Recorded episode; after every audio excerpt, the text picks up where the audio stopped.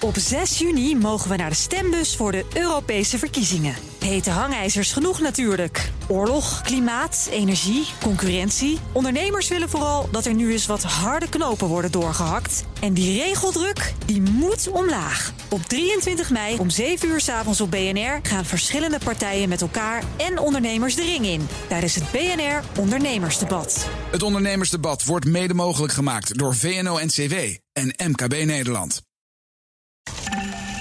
Biden zou bruggen bouwen tussen Democraten en Republikeinen. Maar eind 2021 hangt zijn Build Back Better agenda aan een zijden draadje. Het subtiele verschil tussen afbouwen en uitfaseren. Na Glasgow ziet het er naar uit dat het klimaat nog een jaartje zal moeten wachten op echte harde maatregelen. Een jaar geleden scheiden de wegen van het VK en de Europese Unie. En zoals dat tussen exen wel eens gaat, nog altijd is het gehakketak niet van de lucht. En dat gaat gewoon door in 2022. Dit is Nieuwszoom, de dagelijkse podcast van het Financiële Dagblad en BNR Nieuwsradio met het nieuws verteld door de journalisten zelf. Ik ben Martijn de Rijk en het is vandaag donderdag 30 december. Eventjes uh, over uit Amerika.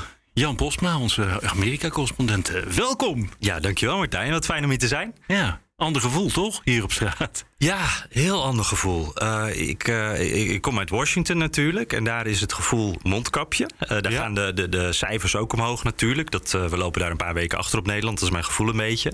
Maar daar heeft iedereen ook al maandenlang een mondkapje op, op straat. Uh, in de winkel, uh, binnen. Dat is gewoon echt gemeengoed. Dus uh, zodra je hier uit het vliegtuig stapt in Nederland, liep Schiphol op. En dan is het eerste wat je ziet: wacht even, de bewakers hebben hier geen mondkapje op. Culture shock. Echt, ja. ja. Heel ander gevoel. Want in Amerika, of in Washington in ieder geval, want de verschillen in Amerika zijn ook heel groot. Maar in Washington zeggen ze echt heel duidelijk: het werkt, je moet het gewoon doen.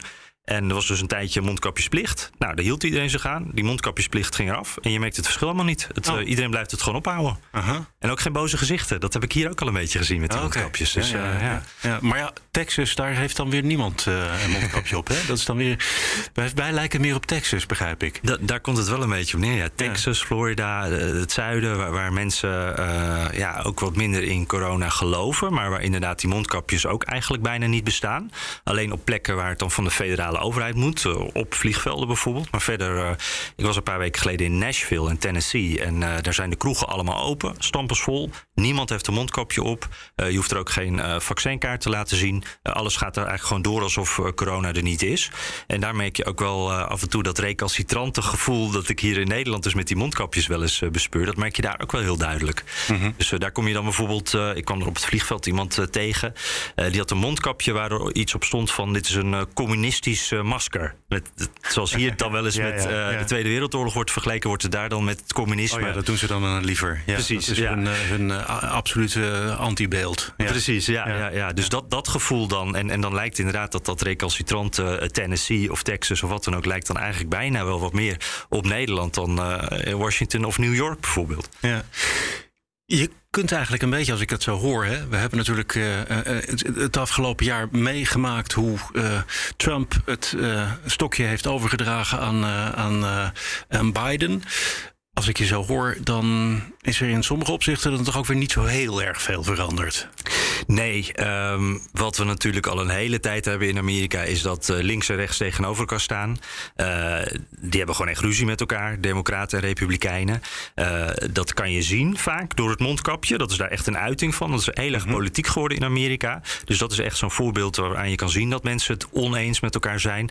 Maar eigenlijk gaat dat door alle lagen van de maatschappij en op allerlei verschillende gebieden zie je dat terugkomen. Dat ja. ja Democraten en Republikeinen ruzie met elkaar hebben. En, ja. en dat is uh, Biden zei: Ik ben een bruggebouwer. Ik, ik wou net veranderen. Ja. Hij zou dat, uh, dat. De belofte was dat uh, Biden daar een beetje tussenin zou gaan staan. En dan, nou, die twee kanten eindelijk met elkaar zou verzoenen. Maar ja. En ik ah. moet wel zeggen, ik, ik ja? zie wel dat hij het wel probeert. En dat hij het mm -hmm. ook heeft geprobeerd. Alleen, ook van tevoren al kon je wel zien dat dat, dat kan niet. Eén man kan dat niet doen. Nee, maar waar heeft hij het geprobeerd dan? Nou, even een voorbeeldje. Bijvoorbeeld de laatste keer dat hij, dat was vorige week... toen sprak hij het Amerikaanse volk toe vanuit het Witte Huis. Toen ging het over de, de cijfers die weer opliepen. En uh, dan probeert hij uh, toch ook die kant van de, het land... wat niet die mondkapjes wilde, het niet gevaccineerd worden, erbij te halen. En dat deed hij nu bijvoorbeeld door Donald Trump aan te halen. Want die had recentelijk gezegd dat hij zijn booster had gehaald. En toen zei Biden dus van, hé, hey, Donald Trump doet het. Dit is dan een van de weinige punten waarop hij en ik het eens zijn. En toen zei hij daarna van, doe als hen, doe als, doe als ons. En doe als ons en neem je boostershot. Laat je vaccineren. Dus doe als mij en, en, en Donald Trump. Ja, en dat, dat was wel zo'n momentje dat ik, oh wacht, hij probeert het wel. Alleen, ja, de, de, verschillen zijn zo groot en mensen zijn echt opgefokt over corona, maar daarvoor eigenlijk ook al. Dus dan, ja, dat, dat kan je niet in je eentje doen. Dat lukt gewoon niet. Nee, uh, dat blijkt ook. Uh, hoewel die wel een heel groot pakket er doorheen gekregen heeft. Hè, door, de, door het Huis van Afgevaardigden en, uh, en de Senaat. Een heel groot, biljoenen groot pakket. Ja, ja het is, eigenlijk heeft hij twee dingetjes heeft hij gered. En de eerste was dat, dat corona-hulppakket. Dat was ook uh, gigantisch. Dat was 2000 miljard dollar. Ja, 2 uh, biljoen. Ja, ja, dat was dan in het begin. Nederlandse biljoenen? ja. Niet jullie? Nee, ik, ik doe altijd met 2000 miljard, want anders raak ik ja, zelf ook in de war. Ja, ja, ja. ja, nee, dus dat was, dat was echt... En daar hadden ook republikeinen die steunden. Maar daar zou je van kunnen zeggen... Nou ja, dat was een andere president ook wel gelukt. Dus misschien uh, moet je die niet meetellen. En dan was er inderdaad nog dat grote uh, infrastructuurplan van ook ruim 1000 miljard. En, nog een biljoentje. Ja, ja, ja en dat, dat is wel echt dat is heel knap dat dat gelukt is. En dat is eigenlijk ook denk ongeveer het grootste wat hij bereikt heeft in zijn periode als president. en hij had gehoopt daar nog wat bovenop te stapelen. Ik maar dat is niet zeggen, zo gelukt. Ik kwam het zeggen, want dan krijgen we nog het, het, het allerlaatste grote project, het Build Back Better. En ja, het blijft toch een beetje een bouwvalletje als ik het uh, ja, dat, dat, bouwen, dat lukt nog niet echt. Nee, nee. nee en, en daar, eh, daardoor is het toch uh, een beetje in mineur allemaal voor Biden. Want nou, hij heeft dus echt wel wat erdoor gekregen. Maar hij merkt gewoon heel duidelijk dat ook in het congres probeert hij die brug te slaan richting Republikeinen. Dat lukt gewoon niet. Republikeinen die hebben dan nou, dat coronahulppakket een beetje meegestemd. Dat lukt dan nog wel. Er zijn misschien een handjevol Republikeinen die willen nog wel. Maar verder is het allemaal gewoon nee. Uh, leider van de Republikeinen in de Senaat, Mitch McConnell, heeft ook gezegd: Mijn, uh, mijn rol eigenlijk op dit moment is uh, Joe Biden tegenhouden. En dat is ook precies wat er gebeurt. Dus Biden die, die, zegt wel: Ik ga jullie de hand schudden en we gaan het samen doen. maar in de praktijk komt het daar gewoon niet van terecht. En dan heeft hij dat hele ambitieuze Build Back Better plan, noemen ze dat inderdaad. En daar zitten allerlei sociale plannen ook in. Ja, dan weet je het al dat hier willen die Republikeinen Nee, precies. Die ja. zeggen meteen: het kost veel te veel geld. Dit is ja. communisme, zeggen ze dan. Kijk oh, naar ja. Europa, wat daar allemaal gebeurt, dan worden wij ook zo. Mm -hmm. nou, ik probeer wel eens uit te leggen dat ik heel blij ben met mijn Nederlandse zorgverzekering. Uh, want dat is echt, echt onvergelijkbaar met wat er in Amerika uh, is en hoeveel dat kost. Uh, maar goed, dus, dus dat is eigenlijk de, de, grote wens van Joe Biden en zijn achterban. En, en dat is tot nu toe nog niet gelukt. Dus ja, dat doet wel pijn hoor. Lege handen toch. En dan is het extra pijnlijk dat het ook zijn uh, eigen democratische senator uit, uh, wat was het ook weer? West Virginia, ja. West Virginia was, uh, Manchin. Klopt, Joe Manchin, ja. Ja, ja nou ja. ja. ja dat is ook... Um, het is op een bepaalde manier ook wel, wel interessant om te zien. Want to, toen die verkiezingen geweest waren, toen was meteen wel duidelijk: dit wordt heel moeilijk voor Joe Biden. Want in de Senaat, belangrijk, daar is het 50-50. 50 Republikeinen, 50 uh, Democraten. Nou, dan heb je als uh, partij die dan ook de vicepresident levert, die mag dan de beslissende stem leveren. Dus je hebt een, een meerderheid, maar zo miniem. En je mag, mag dus er niemand. Eentje, mag er niet eentje uit, uit de kruiwagen. Ja, nee, je ja. mag geen Joe Manchin hebben die dan ja. eruit springt. En dat is precies wat er wel gebeurt. Joe Manchin, er waren nog wel wat meer, maar Manchin is echt het duidelijkste voorbeeld. Die komt uit een eigenlijk vrij conservatieve staat. Steenkolen? Ja, precies. Belangrijk. Dus uh, die kijkt naar zijn achterban. Uh, die, die, die kijkt ook uh, misschien wel wat meer nog naar de mijnbedrijven dan naar de mijnwerkers. Maar toch, dat is zijn belang. Mm -hmm. en, en daar stemt hij naar. Dus als dan Joe Biden zegt: Ik wil allerlei groene maatregelen en die mijnen moeten dicht. Nou ja, natuurlijk zegt Joe Manchin dan nee. Dat doe ik niet. Dus we hebben nu nou, een half jaar lang in ieder geval dat Joe Manchin aan het onderhandelen was met het Witte Huis. Uh, ze zeiden op een paar momenten al grappend: uh, hij heeft zijn eigen parkeerplaats bij het Witte Huis al, want hij zegt kind in huis. Oh, ja, ja, ja. En hij kreeg ook veel voor elkaar, want dat plan was eerst, ik geloof, 3500 miljard. Nou, het is een stuk minder, het is de helft, de helft geworden. Ja. en toch zei Joe Manchin dan op het laatste moment: ik doe niet mee. Uh, ja, het Witte Huis zegt nu van we zijn toch nog aan het praten, we hopen er nog op.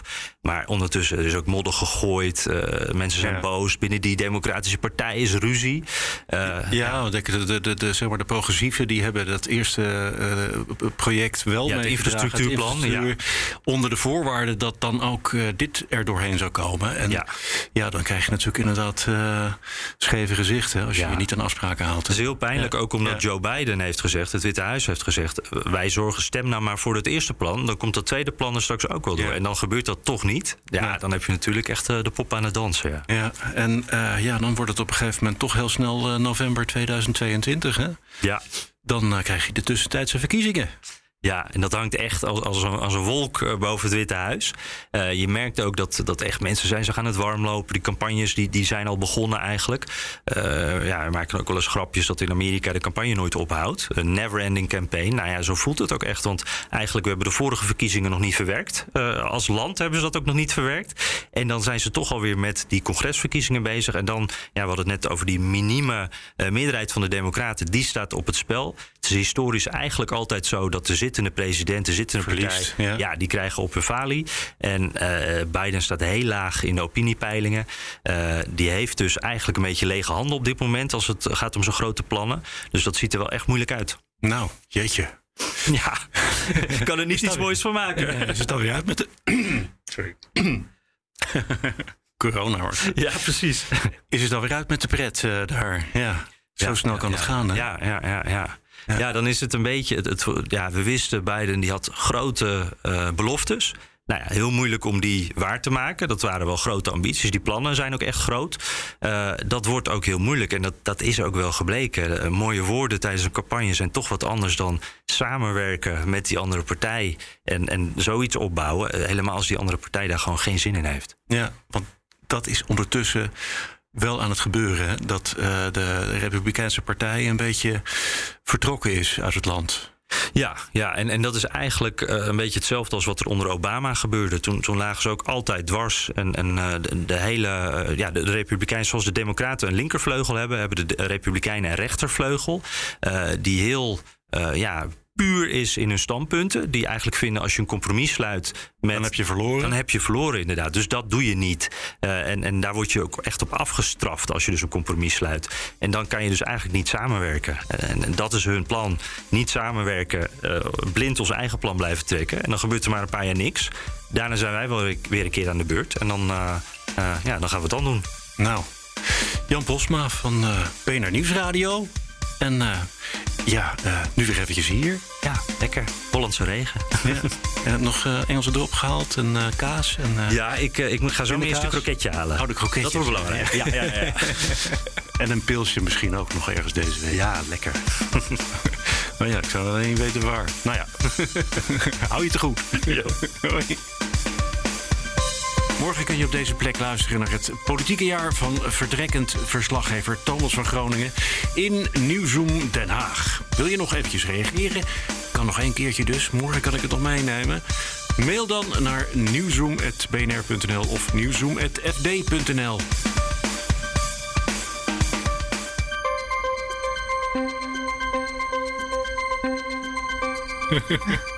Kijk, nou loopt die echte band. Oké. Nou, beginnen gewoon een tweede keer, uh, Orla. Orla McDonald van het uh, Financiële Dagblad. Ik heb uh, natuurlijk jouw stukken eventjes nagekeken. En ik raakte helemaal gefascineerd door het, ja, het, het gevecht achter de schermen om de punten en de komma's daar in Glasgow. Want daar ben jij geweest voor het Financiële Dagblad. Ja, ik, dat was de allereerste keer dat ik uh, bij zo'n grote diplomatieke top was. En uh, ik ben nu anderhalf jaar uh, hier journalist klimaatbeleid.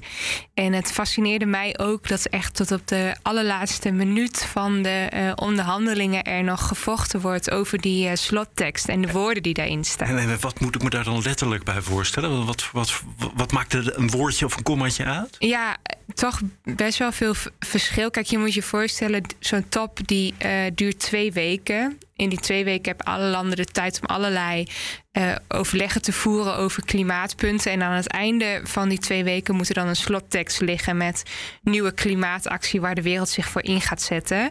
En zo'n slotonderhandeling is dan op de aller, allerlaatste dag. En dan ligt de concepttekst al klaar, die is ook al naar buiten gekomen.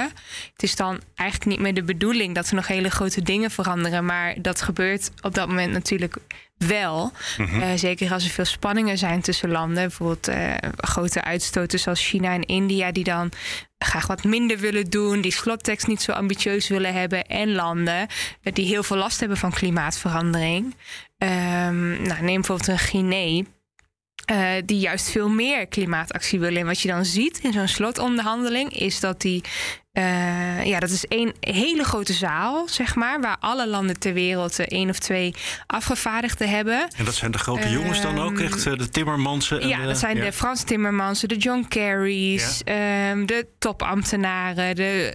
Um, de, niet de premiers. Het zijn wel echt de, hoogste pieven zeg maar, op klimaatgebied. En um, ja, die gaan echt met elkaar in discussie. Ik zag hoe uh, John Kerry op het moment dat hij dan die zaal binnen komt lopen... echt wordt overvallen door de topambtenaar van uh, Guinea. Die spreekt dan voor alle ontwikkelingslanden. Zo hebben ze dat dan afgesproken. En uh, ja, zo'n man wordt dan uh, omsingeld. Je kan echt niet meer uh, verder lopen. Om, en dan wordt het punt gemaakt hè, van waarom doet Amerika zo weinig tegen klimaatverandering? Waarom wordt er niet meer geld uitgetrokken? Dan proberen landen echt op het laatste moment nog iets uit die onderhandelingen te slepen als journalist is het heel fascinerend om daarbij te zijn, omdat dit soort onderhandelingen vinden meestal plaats, ja, toch achter de schermen, in achterkamertjes. En nu uh, stond Kon ik er in, zien, hè? ja, stond ik er ineens met mijn neus, uh, neus bovenop. En ze noemen dan zo'n uh, zo'n zo'n laatste gevecht om de slottekst noemen ze een, uh, een huddle. Aha. Dat is een, uh, ja, Dat klinkt als een rugbyterm. ja, eh, nou, zo voelde het ook een beetje. Het was dan een huddle, is zo'n soort zeg maar een kringetje van mensen. Met dan in het midden de belangrijkste onderhandelaren. Dus neem bijvoorbeeld een Frans Timmermans, een John Kerry.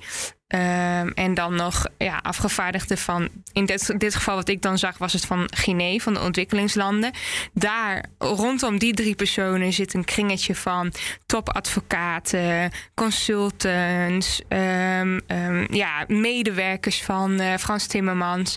Daaromheen uh, zitten uh, alle andere landen. En daarbuiten, daar was ik een beetje aan het rondscharrelen. In, en ook mensen van Greenpeace, andere journalisten, in de hoop dat je toch iets opvangt van wat nou op het allerlaatste moment in die slotonderhandelingen het belangrijkste uh, punt nog is. Waar, Mhm, Waar steken hangt de top nog? ja, waar hangt het op? Waar, Ja. waar kan over worden gestruikeld? Wat kan deze top nog doen mislukken? Eén journaliste, uh, weet ik nog, die probeerde haar uh, telefoon zo in die uh, kring te steken. Ja. Um, om toch iets, iets op te nemen, Op, op, ja. te nemen. Nou, die werd echt door de bewaking in haar nekvel gegrepen en de zaal uitgezet. Oké. Dus het was echt van ja, je mag als journalist hier wel bij zijn, maar tot een bepaalde hoogte, zeg maar. Ja. Um, heel fascinerend om te zien. En toch, op de een of andere manier lekt toch wel uit waar het in zo'n kringetje over gaat. Omdat ja, zoiets zijpelt toch door. Ja. Eén zo'n dingetje wat ik, eh, wat ik las is dat het dan bijvoorbeeld gaat om het woordje afbouwen of uitfaseren. ja. En dan denk ik van. Wat maakt dat eh, nou uit? hè? Ja. ja, die, de slottekst van die eh klimaattop, eh, daar was, mm, nou ja, die heeft een hele lange lijst aan punten. En iets van punt 18 was, we gaan het gebruik van steenkool uitfaseren. Nou, dat is best wel een grote stap voor een klimaattop. Want nog nooit eerder in de geschiedenis van deze top waren überhaupt fossiele brandstoffen in de slottekst gekomen. Ehm, en als je, als je met z'n allen in de wereld uitspreekt, we gaan steenkool uitfaseren. Dan stop je ermee. Dan stop je ermee, ja. Dus dan is het bouwen van een nieuwe steenkoolcentrale... kun je je land ook op aanspreken. Van, hè, van ho, ho, Ja. we hebben dit getekend. Ehm, maar wat gebeurde er nou? In de concepttekst stond het woordje uitfaseren... En echt in het laatste half uur van ehm, de onderhandelingen maakt ineens India een punt van orde. Ze zeiden ja, we willen iets in de tekst veranderen. Het is maar een minor detail. Dat je echt denkt, oh ja, als ze zo, ja, als ze zo praten, dan moet je echt opletten. Ja, ja. En toen, toen gaven ze aan, ehm, we willen de, eh, de, het woord uitfaseren eh, veranderen in ehm, afbouwen. Dat Eh, is verminderen. Dat is nog verm- wat, het- heel wat ja, anders. het verminderen van steenkool, is, dat, is dat is echt iets heel anders. Het is een minieme woordenwisseling, maar echt een totaal andere uitkomst krijg je dan. Ja. En ehm, nou ja, India maakt dan zo'n punt van orde. Eh, China sluit zich daarbij aan. Die zegt dat vinden wij ook een goed idee.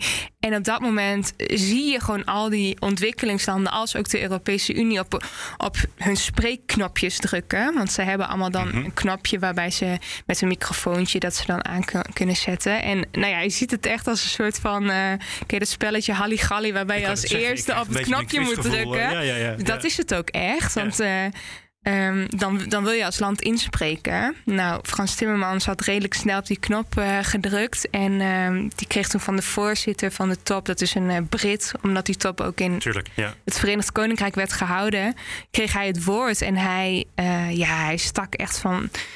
hij zei echt van hoe, hoe kunnen jullie nou op het laatste moment dit nog zo, zo omgooien? En, en ehm, denk aan de toekomst van onze kinderen. Hij begon. Ja, dan, dan proberen landen toch weer tegengas te geven. Maar uiteindelijk, ja, weet je, was het ook wel zo. India en China zijn zulke grote spelers. Als zij op het laatste moment echt zeggen: nee, we willen echt het andere woord in die slottekst. We willen. Ehm, Ja, dan is het ja, die gaan op, ja, die gaan op hun strepen Ja, staan. ja. Dan, heb je, dan loop je ook het risico dat als je daar niet in meegaat, dat die twee landen dan zeggen: Nou, dan tekenen we dit slotakkoord helemaal niet. Ja. En er stonden ook wel andere punten in die eh, goed voor het klimaat waren. Dus dan eh, uiteindelijk, eh, ja, zag je toch ook wel dat de VS daar een beetje zo dacht: Oké, nou ja, we moeten dit. doen. Het was een beetje take it or Ja, leave it. ja, een zo. beetje eigen voor hun geld gekozen. Ja. Maar als je dat nou allemaal bij elkaar optelt, eh, de plussen en de minnen, al die kleine dingetjes en al die punten en commas die verplaatst zijn, is het een overwinning, dit akkoord? Nee, ik zou het geen overwinning willen noemen, want die klimaatcrisis is wel zo ernstig en de wetenschap onderschrijft dat ook steeds meer dat de komende eh, ja, tien jaar echt eh, drastische strappen moeten worden gezet om CO2-uitstoot te verminderen. Ehm, dat ik niet deze top nu als een eh, grote overwinning zie. Er is niet een enorme stap voorwaarts geboekt. Ehm, het zijn wel kleine puntjes eh, die hoopgevend zijn, eh, maar die moeten ook nog allemaal uitgewerkt worden. Ehm, een van de belangrijkste punten is dat landen op deze top hebben besloten om volgend jaar dan eh, nieuwe klimaatdoelen. Ah, nieuwe Eh, ronde, nieuwe kans. Ja, eh, een slimme diploma Ja, diplomatie-truc om de dingen vooruit te schrijven. Ja. Ja, dus de druk om dan volgend jaar met echte klimaatactie te komen is nu heel groot. Maar ja, dan ziet de wereld er misschien weer heel anders uit hè, dan. Ja. ja, dus ehm, nee, ik zou deze tops niet als overwinning zien, maar het is ook niet helemaal een mislukking. Zoals van tevoren ook al werd gedacht dat ze tot niks zouden komen. Ik noemde net al fossiele brandstoffen, dan wel met afgezwakte woorden, maar toch, het staat er wel in. Dat is voor het allereerst. Dat is nog nooit gebeurd. Ja, ja. Eh, landen zijn gekomen tot een groot eh, prijssysteem voor CO2. Ehm, eh, ja, waarbij ze ook klimaatdoelen eh, beter gehaald kunnen worden. Ehm, er is een afspraak gemaakt om eh, met, te stoppen met fossiele subsidies. Daar was onder andere in Nederland ook best wel veel ophef over. Ehm, dus ja, hele kleine dingetjes Ja. maken toch ook wel dat deze top geen mislukking eh, is. Ja, volgens mij eh, ga jij in de loop van het jaar, eh, van 2022 moet ik dan zeggen, nog wel even naar Egypte. hè? Ja, ja, nou, de volgende klimaattop is Ja. dus in Egypte, Sharm el-Sheikh. Lekker warm weer. Ja, nou, net lekker iets iets anders dan Schotland, hè? Want in Glasgow was het. eh, Een ja. stel ik me zo voor in november. ja, precies. Ja, we, we gaan het zien. Ik, ik ben benieuwd. Kijk, in, dat geeft ook alweer een hele andere stemming aan, aan zo'n top natuurlijk. Dat het in een. eh, Ja. Ja, lekker zweten Ja. met z'n allen. Ja. Ja, nou, dat, dat ook, denk ik. Ehm, maar ook ehm, ja, in Glasgow kan iedereen gewoon in, ehm, ja, naar, het, naar het centrum toe lopen. En ik denk dat het dan in Egypte toch anders is. En je moet je wel voorstellen, heel veel externe factoren maken of breken zo'n klimaattop ook. Mensen zijn moe, hè, willen graag snel naar hun hotel. Dat, dat maakt echt wel uit. ja, nou, Ja. we gaan het in ieder geval van je horen. Orle McDonald van het eh, Financiële Dagblad. Ja, dankjewel.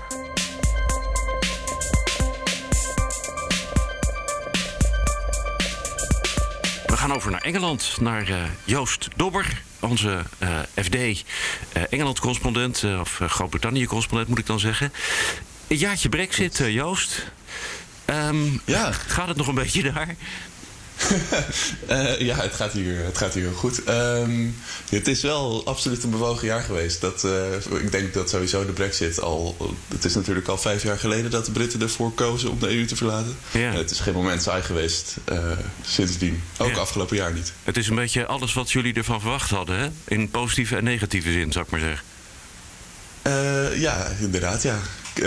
als, als journalist heb je misschien, zit je in de vreemde situatie dat als het soms dat negatief nieuws uh, op een bepaalde manier heel erg leuk is. Ja, heel interessant. En ja. Brexit is wat dat betreft, ja, inderdaad heel erg interessant geweest. Ja, ja, ja ik moet eerlijk zeggen, ah, dat is dan een tip. Ik zeg dan altijd als verdediging, als mensen dat uh, zeggen over de journalistiek.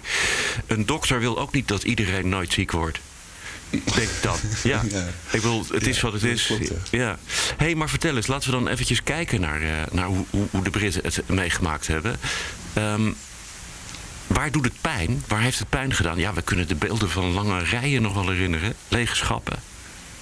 Ja, ik denk inderdaad dat dat moment in het najaar waar de Britten gingen uh, in de rij staan voor benzine, dat dat wel het moment was waarop iedereen dacht van, oh oké, ja, nee, het was toch wel, het was niet pijnvrij, want er is natuurlijk heel erg lang door heel veel fanatieke Brexiteers die claimden dat het allemaal wel gemakkelijk zou kunnen, dat het misschien zelfs wel helemaal geen pijn zou doen. Maar toen met die, want toen hadden we dus inderdaad lege schappen in de supermarkten. Niet dat de hele supermarkt leeg was, maar mhm. iedere keer als je ging, dan was er wel een product dat je niet kon kopen. Mhm. Uh, en vervolgens die rijen bij de benzinestations, waarop je wel zag, nou, mensen vertrouwen er kennelijk niet op dat, uh, dat het allemaal wel soepel zal verlopen. Ja. Een beetje wat wij hadden met het toiletpapier in het begin van corona. Ja, ja nou dat hadden wij hier ook toen. Oh, ja, maar het, deed, het, deed, zeker weer een beetje denken aan uh, die begin van, uh, van, de, van de pandemie. Nou zijn dat dingen die, nou ja, daarvan uh, kan je uitgaan dat ze op een gegeven moment wel opgelost worden, toch? En ik neem um, aan dat het ook gebeurd is. Ja. Ja, inmiddels staan er geen rijen meer voor de, voor de benzinepomp. Um, maar een deel van de onderliggende problemen is er zeker nog. Want het kwam, werd allemaal uh, veroorzaakt door het tekort aan vrachtwagenchauffeurs. Mm -hmm. En dat los je niet zo 1, 2, 3 op, want die moet je opleiden. En uh, nou ja, ze hebben wel de capaciteit vergroot om meer chauffeurs te kunnen opleiden. En omdat ook de lonen omhoog zijn gegaan, is het ook weer een beroep wat een beetje populairder is geworden. Maar ik denk dat dat allemaal redelijk korte termijn effecten zijn. Want um, het is nog steeds dat de faciliteiten langs de snelwegen, de wc's, de douches, de wegrestaurants zijn nog steeds heel slecht hier. Um, en dat maakt het natuurlijk geen beroep. Maar als je kijkt naar wat je er als gewone Brit in je dagelijks leven van merkt, dan zie je nog steeds af en toe lege schappen in de winkels, maar niet zoveel als voorheen. Um, en uh, je kan gewoon denken, uh, dus wat dat betreft is de impact wel een beetje verdwenen. Maar je weet wel, je, je weet wel dat het toch op de achtergrond speelt. Ja, want je, uiteindelijk uh, ga je terugzien in de groeicijfers, in de macrocijfers. Uh, is daar iets over duidelijk? Want dat lijkt me best ingewikkeld. Hè? ik bedoel, de Britten hebben net zo goed als wij behoorlijk last van corona gehad. Dus wat is het ene effect en wat is het andere? Er worden wel wat pogingen gedaan hoor. Uh, en, en er zijn natuurlijk op de iets langere termijn, nou, hopelijk dat die pandemie op een gegeven moment weg hebt. Uh, de brexit is een permanente verandering, dus die zal je blijven zien in de cijfers. En wat, je nu, wat we nu weten. Um, er, zijn wat modellen gebouwd. Um, er is bijvoorbeeld eentje van het Center for European Reform. Uh, die hebben gekeken naar wat de handel was hoe het VK handelde voor de uh, keuze voor de brexit. En hebben een soort model gebouwd van neem een beetje, neem, neem een beetje Amerika, een beetje Duitsland, een beetje Frankrijk. We gooien het bij elkaar en zo bouw je een soort van dubbelganger van het VK... dat precies hetzelfde zich gedraagt als het VK voorafgaand aan het brexit-referendum. En sinds 2016 zie je wel dat die twee modellen opeens heel erg uit elkaar gaan lopen. Vooral dus in de, de, meest recente periode waarin de brexit natuurlijk feitelijk effect heeft. En dat verschil is toch wel uh, uh, ruim 15 procent. Wauw. Um, dus, dus, dus dat telt wel. 15, uh, en ik 15, denk dan... 15 procent economische groei? Nee, dat gaat dus om de handel, okay. ja, ja, handelsvolumes. Okay. Ja. Dat is niet economische groei. Nee, dat is een stuk kleiner dan waarschijnlijk. Um, ja. Ja, ja, de, de, de, maar dat zijn nog steeds projecties, maar wel dan nu een beetje inge, ingekleurd door de data. Maar de, de projectie is dat op de lange termijn de Britse economie 4% kleiner zal zijn dan wanneer ze in de EU waren gebleven. Nou zullen de Brexiteers zeggen en wijzen op allerlei voordelen die ze gehad hebben. Hè, van het feit dat ze uit de EU zijn uh, gestapt. En dan kijken wij bijvoorbeeld uh, jaloers naar de snelheid waarmee de, de, de vaccins zijn uh, goedgekeurd in, ja, in Groot-Brittannië. Ja, dat was zeker de. Nou ja, je vroeg, we begonnen dit gesprek met wanneer was het moment dat je merkte dat de Brexit pijn deed. Nou, dat waren die benzinestations. Maar die vaccins, die kwamen daar natuurlijk voor. Dat was um, ja. uh, dit, dit, begin dit jaar. En dat was eigenlijk het moment waarop iedereen dacht van... oh, nou, Aha. misschien is het zo'n slecht idee nog niet. Ja. Uh, het is zeer, zeer controversieel overigens. Want de manier waarop de Britten die vaccins hebben gedaan... hadden ze ook gewoon als EU-lid kunnen doen. Maar ik denk dat, het, dat ze wel een punt hebben dat... Uh, het feit dat zij toch de EU zouden verlaten, gaf ze natuurlijk de politieke bewegingsvrijheid, de politieke ruimte om te zeggen tegen de Europese Commissie: we doen niet mee met jullie vaccinprogramma, we gaan het allemaal uh, ja. op onze eigen manier doen. En dat hadden ze inderdaad goed. Dat was de, een, van de, een van de grootste uh, voordelen. Maar er zijn er wel meer hoor, want ze hebben nu een eigen immigratiebeleid. Um, Heel belangrijk voor veel wat toch gewoon. Ja. Ja, dat was tijdens het referendum ja. gewoon een heel belangrijk punt. En ja. ook daar kun je kanttekeningen bij plaatsen. Want uh, nou ja, dat is een van de redenen waarom ze nu met personeelstekorten zitten. Onder meer die vrachtwagenchauffeurs. Oh, ja. Uh, dus ja, het, het, het, is, het is allemaal niet, niet gemakkelijk. Nou ze kunnen dus ook nu hun eigen handelsdeals sluiten. Uh, ze hebben er recent eentje met Australië gesloten. Dat is de eerste. Um, Nieuw-Zeeland is op komst. Uh, en CPTPP, dat is een vrijhandelszone in de Grote Oceaan. Ja. Um, daar willen ze ook lid van gaan worden. Dat klinkt allemaal uh, heel nou, indrukwekkend. Dat zijn eigenlijk de belangrijkste. Ja, dat klinkt wel indrukwekkend allemaal. Maar dat is zo ontzettend ver weg dat ik me nauwelijks kan voorstellen dat het uh, echt zouden aan de dijk zet. ja, daar heb je helemaal gelijk in. Um, de, die deal met Australië bijvoorbeeld. Um, mm -hmm. Op de lange termijn draagt hij 0,01% bij aan de Britse economie. Oké, okay. dus dat is echt een deal. ja. dat, dat, dat, dat, is echt helemaal niks. Um, dus inderdaad, uh, de, het verlies van onbelemmerde toegang ja. tot de 27 landen van de Europese Unie die gewoon naast de deur liggen. Uh, ja, dat ga je niet met handelsdeals uh, met Australië en met Nieuw-Zeeland compenseren. Nee. Hey, en uh, dan hebben we natuurlijk ook nog een heleboel ruzies gehad. vooral de Fransen, die Franse vissers en zo. ja, dat, dat loopt allemaal niet zo lekker ook ondertussen met nou ja, Groot-Brittannië en de EU. Hè? Ik bedoel, Nee, het is een erg turbulent jaar geweest wat dat betreft. Ik denk dat er een beetje hoop was. Want to, uh, nou ja, nu een jaar geleden, toen werd die handelsdeal op kerstavond gesloten. Uh, nou ja, toen zou je kunnen denken: oké, okay, misschien kunnen we nu een punt achter die getroubleerde jaren zetten. En hebben we nu deze handelsdeal, het begin van een nieuwe relatie, kunnen we gaan bouwen aan de toekomst samen. De nieuwe, de nieuwe realiteit. Mm -hmm. Maar dat is toch wel erg weinig gebeurd. Um, ik denk dat er. Um, nou ja, Noord-Ierland zou altijd ingewikkeld worden. Want daar is gewoon een ingewikkeld compromis voor gesloten. wat voor een deel van de bevolking beter werkt dan voor, een, uh, dan voor het andere deel. Um, maar als je. Ja, er was gewoon denk ik aan allebei de kanten misschien wel. Zeker ook in Frankrijk. Uh, maar ook absoluut in Londen. Um, toch ook wel een prikkel om die Brexit-verschillen met Europa uh, een beetje op te spelen. Um, want nou ja, Boris Johnson heeft er zijn, uh, die is een premier door geworden. Hè, door de Brexit te steunen en door de verschillen met Europa te, te, ja. te benadrukken. En ja, um, hoewel de brexit denk ik in de publieke opinie iets minder goed werkt. Want men is het een beetje zat. Niet iedereen wil er graag meer over praten. Um, wordt Europa als boeman afschilderen... wordt denk ik bij een deel van de bevolking nog steeds wel gewaardeerd. Ja. Uh, dus dat is een factor. Andersom denk ik ook dat de Britten het idee hadden dat... in Europa de heersende opvatting was... Um, dat de Britten gestraft moesten worden voor de keuze van, voor de brexit. Um, en dat ze, daar, dat ze daarom ook een beetje gepikeerd waren. Wat, wat denk ik niet helemaal terecht is. Vooral in Frankrijk was er natuurlijk op een gegeven moment... ik weet niet of je dat nog weet... maar er lekte een memo uit van een Franse Europa-minister... als ik me goed herinner. Um, en die werd toen heel slecht vertaald door de Britse pers. En uh, daardoor dachten de Britten dat er in die memo stond... dat de Fransen hadden geschreven... nee, de Britten moeten gestraft worden voor de keuze van Brexit. Terwijl wat er eigenlijk stond is...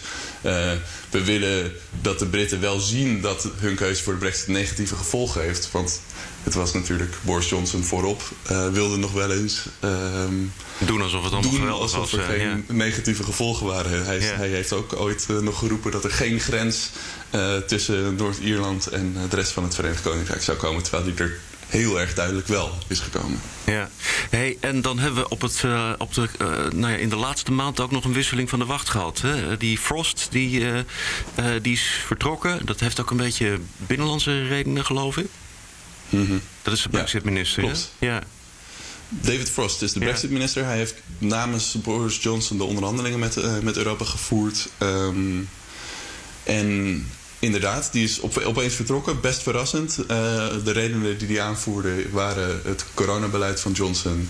Maar toch ook wel... Hij was een van de, hij was een van de mensen van de school... Brexit is een kans om... eh, de regulering veel soepeler te maken, de belastingen te verlagen. Ja. Eh, wat wel een belangrijk kamp is binnen het Brexit zeg maar, de Brexit-stroming. Maar lang niet iedereen vindt dat. En tot nu toe is dat er zeker nog niet van gekomen. Dus daar was hij wel ook een beetje gepikeerd over. Ja. Maar dat zou wel ehm, gevolgen kunnen hebben, want hij was nogal een hardliner als het ging om de gesprekken met Europa. En hij lag zeker niet goed in, in Brussel. Ehm, dus misschien is er een klein beetje hoop in Brussel dat eh, de, zijn vervanger Liz Truss eh, wel iets eh, meer voor reden vatbaar is. Maar dat is eerlijk gezegd nog afwachten, want zij is ehm, flink bezig met een campagne om de volgende of om de opvolger van Boris Johnson te worden. Oh jee. En eh, de, manier, de manier ligt, eh, loopt helaas nog wel ook eh, een van de mogelijke manieren via de rechterkant van de partij. Met alle harde Brexiteers die Ja. eh, juist, juist de allerhardste lijn willen, Ja, precies. willen. Dus Kortom. die zal ze te vriezen raden. Joost Dobber van het eh, Financiële Dagblad, eh, dankjewel voor deze uitleg. Dat was Nieuwszoom voor vandaag. Heel graag tot morgen.